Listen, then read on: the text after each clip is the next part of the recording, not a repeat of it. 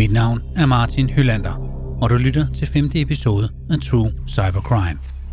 En podcast-serie, der dykker ned i nogle af de mest spektakulære hackerangreb i nyere tid, der har fatale konsekvenser for privatpersoner, virksomheder og samfund.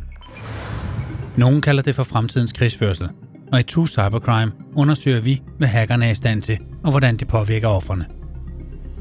Podcasten er sponsoreret af Thea og forfattet af Josefine Høgsberg. Denne podcast-episode bygger på genfortællinger af en sag, som den er beskrevet i andre medier, og indeholder oplevelser fra medvirkende, der har været involveret i sagen. Prøv at tænke på dit mest simple kodeord til din Gmail, Facebook, Instagram eller til din computer. Der er en god grund til at spørge, for nemme kodeord betyder med stor sandsynlighed begrænset sikkerhed. Manglende kodeordsbeskyttelse kan have store konsekvenser, både for dig som privatperson, for virksomheder, og i værste fald kan det gå ud over hele nationer, hvis deres online-sikkerhed ikke er i orden. Der er rigtig mange, der ikke tager det her helt alvorligt, og hvad det præcis kan betyde for dig, det skal du her blive klogere på. Vi spoler tiden tilbage til år 2012. Flere Dropbox-brugere rundt omkring i verden begynder pludselig at bemærke, at de modtager spam i deres mailindbakke, der er koblet op til deres Dropbox-konto. De rapporterer de mistænksomme mails til organisationen, der bliver bevidst om, at der er noget grueligt galt. Nogle brugere får følelsen af, at der er fremmede, der kigger med og roder i deres private billeder og filer på læringsplatformen. Det er den 12. juli 2012. Netop den her dag skal vise sig at blive indskrevet i internettets historiebøger. Dropbox er netop blevet offer for et hackerangreb. Verden over blev mennesker bestjålet. Kriminelle har nemlig fået adgang til en masse af brugernes login-oplysninger. Hackerne er snedige, og i et blogindlæg fortæller Dropbox, hvordan de kriminelle har skaffet sig adgang til en medarbejders login-kombination, og derfor har fundet et dokument, der indeholder Dropbox-brugernes e-mailadresser. Det lyder måske harmløst med en liste over mailadresser, men det er det ikke. Historien går på, at mændene sender en form for ondsindet malware ud til de her mails. Dropbox understreger, at de stjålne brugernavne og adgangskoder kun er blevet brugt til at logge ind på et lille antal Dropbox-konti. På det her tidspunkt er organisationen ikke specifik omkring, hvor mange konti det drejer sig om. Vi har fundet en mail, der viser, hvad Dropbox skriver til den enkelte kontoindhaver. Jeg citerer. For nyligt er flere kodeord blevet stjålet. Det er et problem, da mange personer bruger det samme kodeord på forskellige online-tjenester, hvilket er usikkert. Vi ved, at det er nemt at bruge et enkelt kodeord på tværs af websider. I samme mail beder Dropbox brugerne om at nulstille deres adgangskoder manuelt. Det kræver dog, at brugerne læser mailen og aktivt gør noget ved sagen. Der bliver altså ikke nævnt noget om den ondsindede software, der er med til at bane sin vej ind i Dropbox til at starte med. Denne vigtige information er der kun meget begrænset information omkring online. Men hvorfor holder virksomheden kortene så tæt ind til kroppen? Vi springer nu frem til efteråret 2016. Her, fire år efter hackerangrebet mod Dropbox, er der nyt i sagen. Omfanget af hackerangrebet kommer nu frem i offentligheden. Det viser sig nu, at en tredjedel af cloud-virksomhedens kunders login-oplysninger er blevet lækket. Det er intet mindre end 68 millioner Dropbox-brugere. Men det stopper ikke her, for alle de her menneskers e-mail og dertilhørende passwords er sat til salg online på Darknet. Darknet er en online markedsplatform, der er kendt for salg af ulovlige produkter og ydelser, såvel som legemordere, våben og stoffer. Angiveligt er prisen for de personlige oplysninger sat til 2 bitcoins. Disse kriminelle sætter alle de hackede kontooplysninger for det, der svarer til blot lidt over 1000 amerikanske dollars. Og det er muligt for alle at købe den, selv personer som du og jeg. Det betyder, at næsten alle, der er villige til at betale det her beløb, nemt kan hacke et stort antal Dropbox-konti. Med denne adgang kan de tjekke, hvad brugerne lærer i deres sky. Prøv en gang at forestille dig, at du har intime feriefotos med kæresten, og de kriminelle nu har adgang til at videresælge dem på Darknet eller lægge dem ud på Google, hvis de har lyst. Det er den magt, hackerne kan komme i besiddelse af, hvis deres motiv for eksempel er at skade enkelte personers omdømme. Hackede brugeroplysninger kan være meget værdifulde for gerningsmænd. De stjålne datalogin kan integreres med en bestemt software, der automatisk tjekker, om præcis den e-mail og kodeordskombination også er anvendt til andre webtjenester. Hvis det er tilfælde, åbner det muligheden for at få adgang til andre personlige konti, der potentielt kan give videre adgang til f.eks. din netbank, dit arbejdslogin eller til sociale medier. Der eksisterer dog ingen officielle rapporter, der konkluderer, om de fortrolige oplysninger er blevet solgt på Darknet eller ej. Netop denne episode bliver relevant senere. Men først skal vi smutte til Danmark, der er en af de mest digitaliserede lande i hele verden. Vi er omgivet af teknologi og har en internetadgang lige ved hånden på en af vores devices. Desuden er det digitale univers blevet en central del i understøttelsen af vores samfundsvigtige funktioner og en stor del af det danske erhvervsliv. Det faktum, at vi er så meget online og udvikler et velfærdssamfund, der bygger derpå, ja, det gør os sårbare. Det giver hackerne en større berøringsflade og mulighed for at skabe luskede digitale fælder, som vi kan falde i. Mange danskere har konti på forskellige tjenester, de benytter i dagligdagen, som for eksempel Dropbox, Facebook eller Gmail. Og hackerne befinder sig der, hvor vi færdes. Det vi foretager os online, kan for mange være meget personligt og vedkommer ikke andre. Derfor beskytter vi vores privatliv med adgangskoder. Det gælder både Instagram, Snapchat og vores arbejdskonti, så andre ikke kan lure med eller stjæle fra os. Det er præcis det samme princip, som når vi låser vores bolig af. Vi ønsker ikke, at uvelkomne skal bevæge sig ind og tage vores ting og se, hvad vi ejer. Vi har tonsvis af adgangskoder til de forskellige platforme. Det er ikke svært at forestille sig, at det måske er nemmere at huske, hvilken nøgle, der passer til hvilken lås i et nøglebund, end det er at huske, hvilke 30 forskellige adgangskoder, der matcher til vores forskellige konti på internettet. Mange af os gør det nemmere for sig selv ved at genbruge samme password på tværs af apps og devices. At genbruge kodeord kan principielt sidestilles med, at du bruger præcis den samme nøgle til dit hjem, din bil, din arbejdsplads og din bankboks. Andre ønsker bare et nemt password, et der er nemt at huske, og derfor anvender de måske deres eget navn efterfulgt af deres fødselsår. Det er her, der opstår et problem. Hackersoftware er blevet så effektivt gennem årene, og det er den dag i dag specielt designet til at nedbryde nemme kodeordskombinationer. Det betyder også, at de kriminelle i tidens løb har formået at hacke ikke mindre end 479 online-tjenester, herunder LinkedIn, Adobe, Tumblr og Dropbox, som vi hørte om tidligere. Det er sandsynligt, at du selv på et eller andet tidspunkt er blevet offer for et af de her nævnte hackerangreb. Har du nogensinde hørt om Have I Been Pwned? Altså PWNED. Det er en hjemmeside, hvor du og alle andre kan tjekke, om dine login-oplysninger til forskellige platforme er blevet hacket. Det foregår på følgende måde. Du indskriver din mail på domænet, og så får du et resultat retur. Her står, om du har været en del af et datalæg eller ej med den pågældende mail. Vi blev nysgerrige her på redaktionen, så derfor indskrev tre medarbejdere deres mail. Resultatet er for uroligende.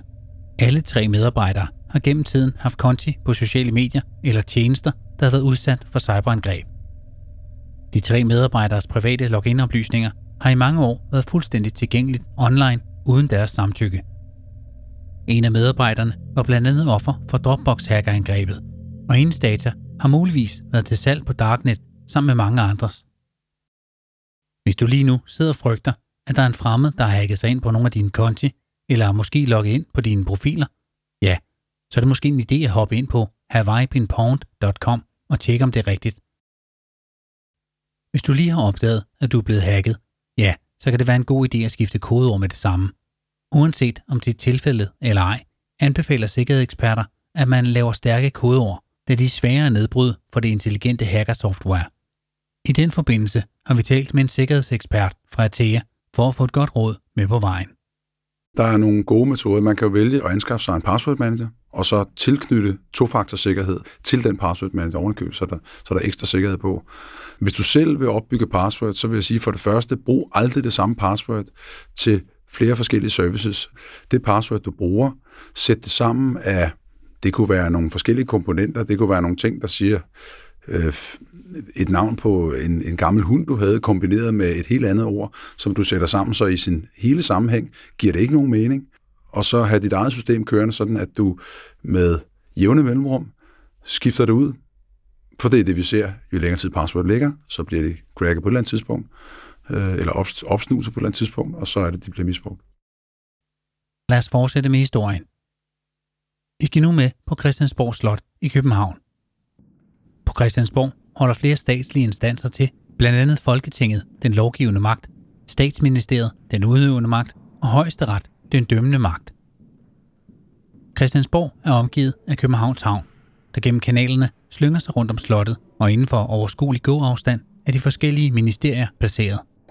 På Christiansborg Slot har de forskellige partier deres hovedkontorer, og her dukker de 20 ministre op i ny og næ. De repræsenterer hver især forskellige ministerier og skal diskutere den samfundsmæssige dagsorden. Den 10. september 2020 frigiver Danmarks Radio noget af en nyhed. En nyhed, der vedrører de forskellige ministerier. Manden, der har gravet sig frem til nyheden, skal du høre her. Han hedder Frederik Hugo Ledegaard, og han er undersøgende journalist hos DR. Vi har talt med ham, og han fortæller, hvordan han i en længere periode brygget på at undersøge, om nogle højtstående, profilerede danskere har været offer for datalæk på et eller andet tidspunkt. Det hele starter med, at Frederik får prikket til sin nysgerrighed, da han i forbindelse med en research lærer et forum at kende, der samler brugeroplysninger fra datalægs i virksomheder. Frederik stusser over, hvilke personer, der må have nævnt i de her databaser, og hvem der vil udgøre det største problem, hvis de bliver hacket. Vi er i august måned 2020, og Frederik møder ind på arbejde hos DR i København. Han går op på 4. sal, hvor Newsroom er lokaliseret.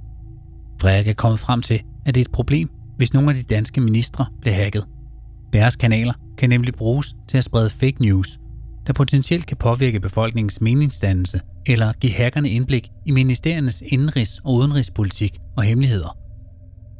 Han bruger en del tid på at snuste sig frem til de 20 ministers private og arbejds-e-mailadresser.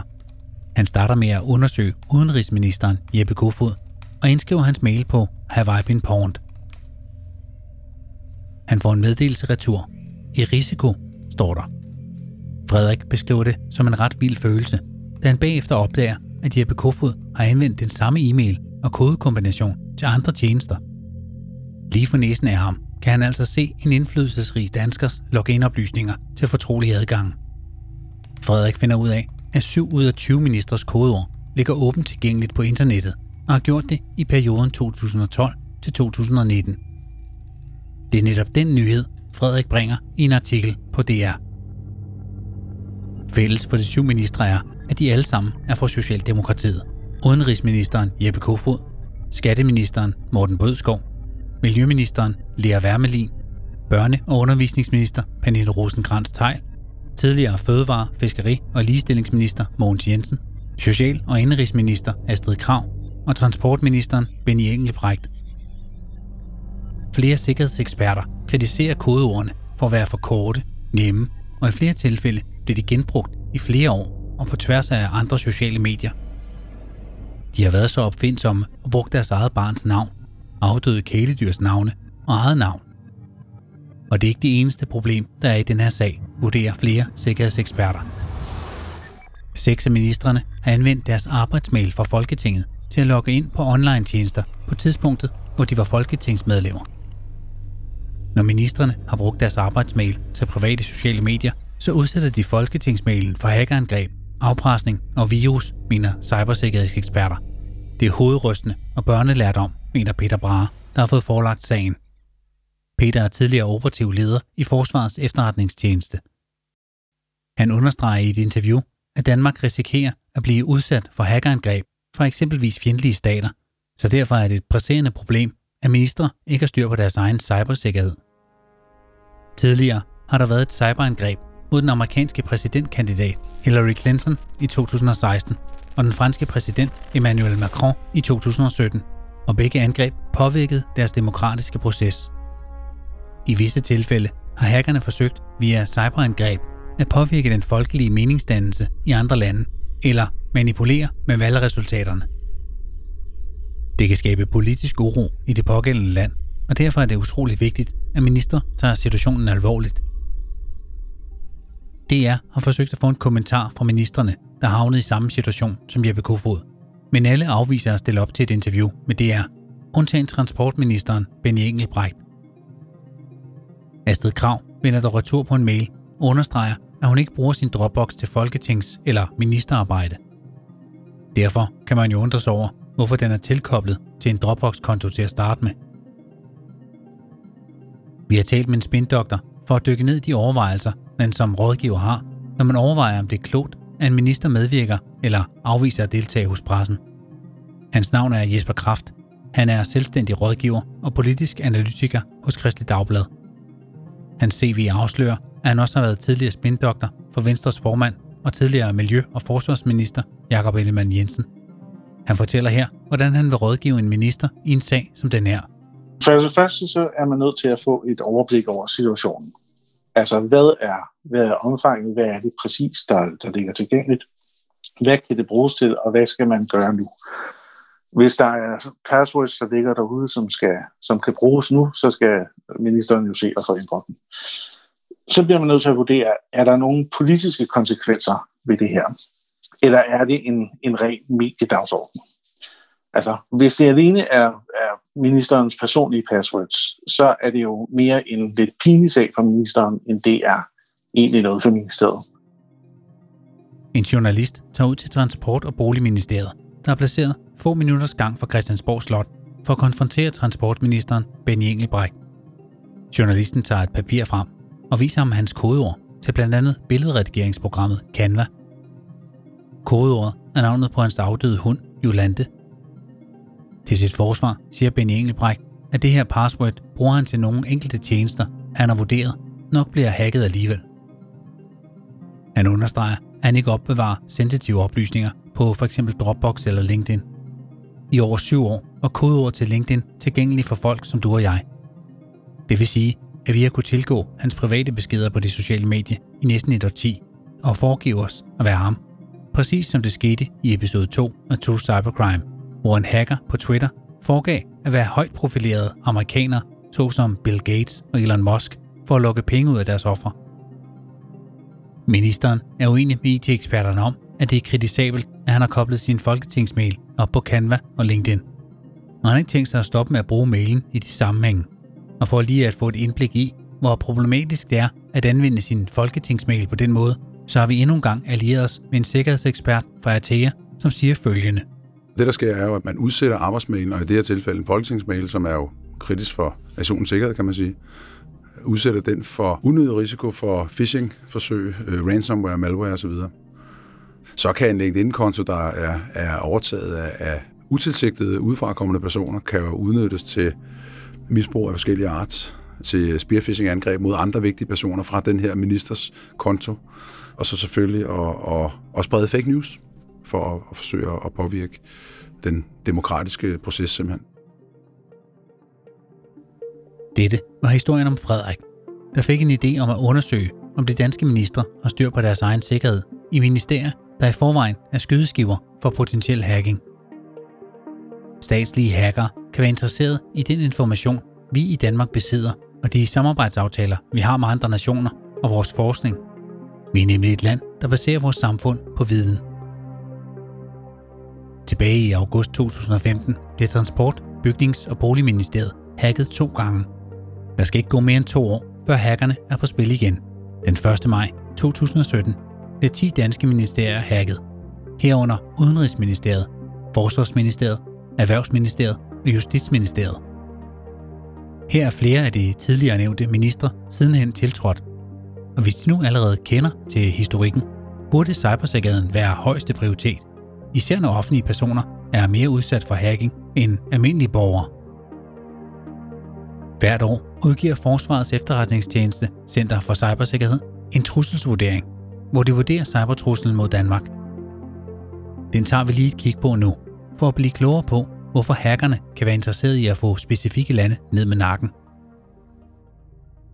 Den 5. maj 2020 er en ny rapport landet, og noget af det første, man kan læse, er et afsnit om, hvor alvorlig cybertruslen mod Danmark er. Cyberangreb har især økonomiske og politiske konsekvenser. Truslen for cyberkriminalitet og cyberspionage er meget høj, både i rapporten fra 2019 og 2020. Truslen er særligt udtalt mod de dele af staten, der beskæftiger sig med udenrigs-, sikkerheds- og forsvarspolitik. Og Center for Cybersikkerhed ser kontinuerlige forsøg på cyberspionage, både rettet mod instanser og personer, der arbejder med politik. De samfundsmæssige instanser er i fremmede staters interesse, da det kan give en viden om vores samfundsopbygning, forskningsresultater, kontrakter, IT-infrastruktur og en måde at skade et lands økonomi. For eksempel kan andre stater anvende stjålen viden til at understøtte udviklingen af deres nationale sektorer, og på den måde springe nogle led over i deres egen nationers innovations- og udviklingsproces. Fremmede stater kan stjæle informationerne selv eller videregive dem til deres nationale virksomheder for at skabe et bedre beslutningsgrundlag i internationale sager og udenrigspolitiske forhandlinger. En opnået viden, som bagmændene kan udnytte til at modarbejde danske interesser og skabe pres på beslutningstagere og forhandlere. I et forsøg på at bekæmpe en sådan trussel, tager et land som Israel det så alvorligt, at de i maj 2019 med luftvåben bomber en bygning, der ifølge Israel huser hackere fra Hamas. Der er gennem tiden været adskillige eksempler på, at stater reagerer på destruktive hackerangreb, eksempelvis med økonomiske sanktioner. NATO har som en reaktion på blandt andet NotPetya cyberangrebet slået fast i en erklæring, at hvis destruktive hackerangreb rammer et af deres medlemslande, så kan det udløse alliancens kollektive forsvarsforpligtelser, der går lige i struben på gerningsmændene.